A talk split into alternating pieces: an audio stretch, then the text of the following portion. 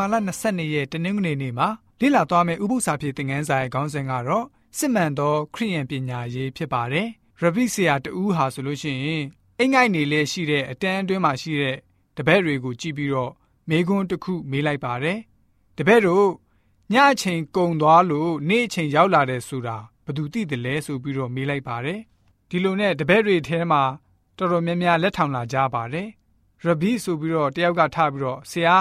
တင်မောတဖန်းပင်နဲ့တန်လွင်ပင်ဘယ်လိုမျိုးကွာတယ်လဲလို့ဆရာပြောတဲ့အကြောင်းလားမဟုတ်ဘူးဒါနဲ့နောက်ကျောင်းသားတူဦးကမေးပြန်ပါတယ်ရဘိဆရာပြောတဲ့တိုးနဲ့စိတ်ကွာခြားပုံကိုပြောတာလားကျောင်းသားတွေရဲ့အဖြေတယောက်တစ်ပေါက်ကိုနားထောင်ပြီးတဲ့နောက်မှာရဘိဆရာဟာဆိုလို့ရှိရင်တခုကိုအတီးပြုတ်ကျင်ညာလိုက်ပါတယ်တပည့်တို့ညအချိန်ကုန်လို့နေ့အချိန်ရောက်လာတဲ့အဓိပ္ပာယ်ကလူတွေအားလုံး ဒဇိမ့်လိုမဆက်ဆံတော့ဘဲနဲ့မောင်နှမညီကိုလိုရင်းနှီးလာတဲ့နေ့ကိုဆိုလိုတာပါအဲ့လိုမဖြစ်မချင်းနေ့အလင်းရောင်ဘလောက်ပဲတောက်ပနေပါစေညအမောင်ဟာကြီးစိုးနေမှာပဲလို့တင် जा ပေးလိုက်ပါတယ်ရှင်လုကာခရစ်ဝင်ခန်းကြီး30အငယ်30ကနေ39ကိုဖတ်ပါမယ်ယေရှုခရစ်တော်ပြောတဲ့ပုံပမာရဲ့အကြောင်းရင်းဟာဘလို့အကြောင်းဖြစ်တယ်လဲဆိုတာကိုကြည့်ကြပါစို့ယေရှုက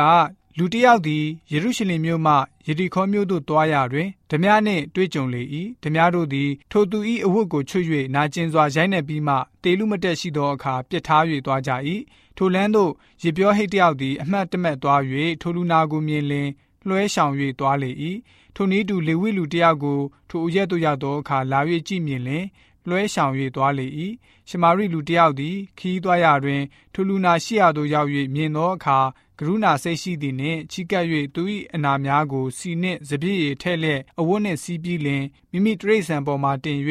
ဇရဲတစ်ခုသို့ဆောင်းသွားပြုစုလေ၏နက်ဖြန်နေ၌ထွက်သွားသောအခါဒီနာ၏နှစ်ပြားကိုထုတ်၍ဇရက်ရှင်အားပေးလျက်ဤသူကိုကြည့်ရှုပြုစုပါကုံသမျှကိုငါပြန်လာသောအခါဆက်ပေးမည်ဟုဆို၏တင်းသည်အဘယ်သို့ထင်သည်နည်း ထိုသူသုံးယောက်တို့တွင်အဘယ်သူသည်ဓမြလက်သို့ရောက်သောသူနှင့်ဆက်ဆိုင်သောသူဖြစ်သည်ဟုပြန်၍မေးတော်မူလျင်ကျမ်းတက်ကလည်းလူနာကိုတနာသောသူသည်ဆက်ဆိုင်သောသူဖြစ်ပါ၏ဟုလျှောက်တော်ယေရှုကတင်းသည်သွား၍ထိုနည်းတူပြုလောဟုမိန့်တော်မူ၏ဆိုပြီးတော့ဖော်ပြထားပါတယ်ကျွန်တော်တို့ဟာတရမနှစ်အသင်းသူတင်သားတွေဖြစ်တာနဲ့အညီများစွာသောတုန်တင်ချက်ကောင်းကြီးမင်္ဂလာတွေရရှိထားပါတယ်။တေခြင်းအကြောင်းဥပုံနေအကြောင်း1844ခုနှစ်နဲ့တရားစီရင်ခြင်းအကြောင်း ပြီးတော့အမှားနဲ့အမှန်မဟာတိုက်လံပွဲအကြောင်းနောက်ပြီးအခြားသောတုန်တင်ချက်တချို့ကိုလည်းပဲသိရှိခွင့်ရရှိထားပါတယ်။တချို့သောခရိယန်တွေတောင်နားမလည်နိုင်တဲ့တုန်တင်ချက်မျိုးကိုလည်းပဲကျွန်တော်တို့နားလည်ခွင့်ရရှိထားပါတယ်။အဲ့ဒီကောင်းမွန်မှန်ကန်တဲ့အရာတွေဘလောက်ပဲရှိနေစေကမူ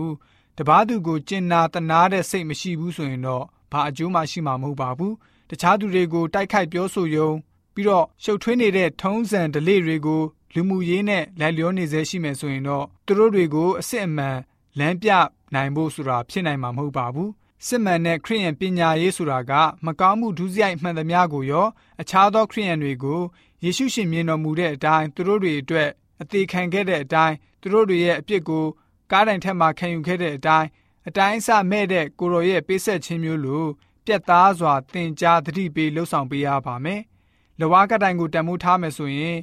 လူသားအလုံးကိုတန်မိုးထားနိုင်ပါလိမ့်မယ်။ သူတို့လိုအပ်သမျှကိုလှုပ်ဆောင်ပေးနေမှာဖြစ်ပါတယ်။ဖျားသခင်ပေးတဲ့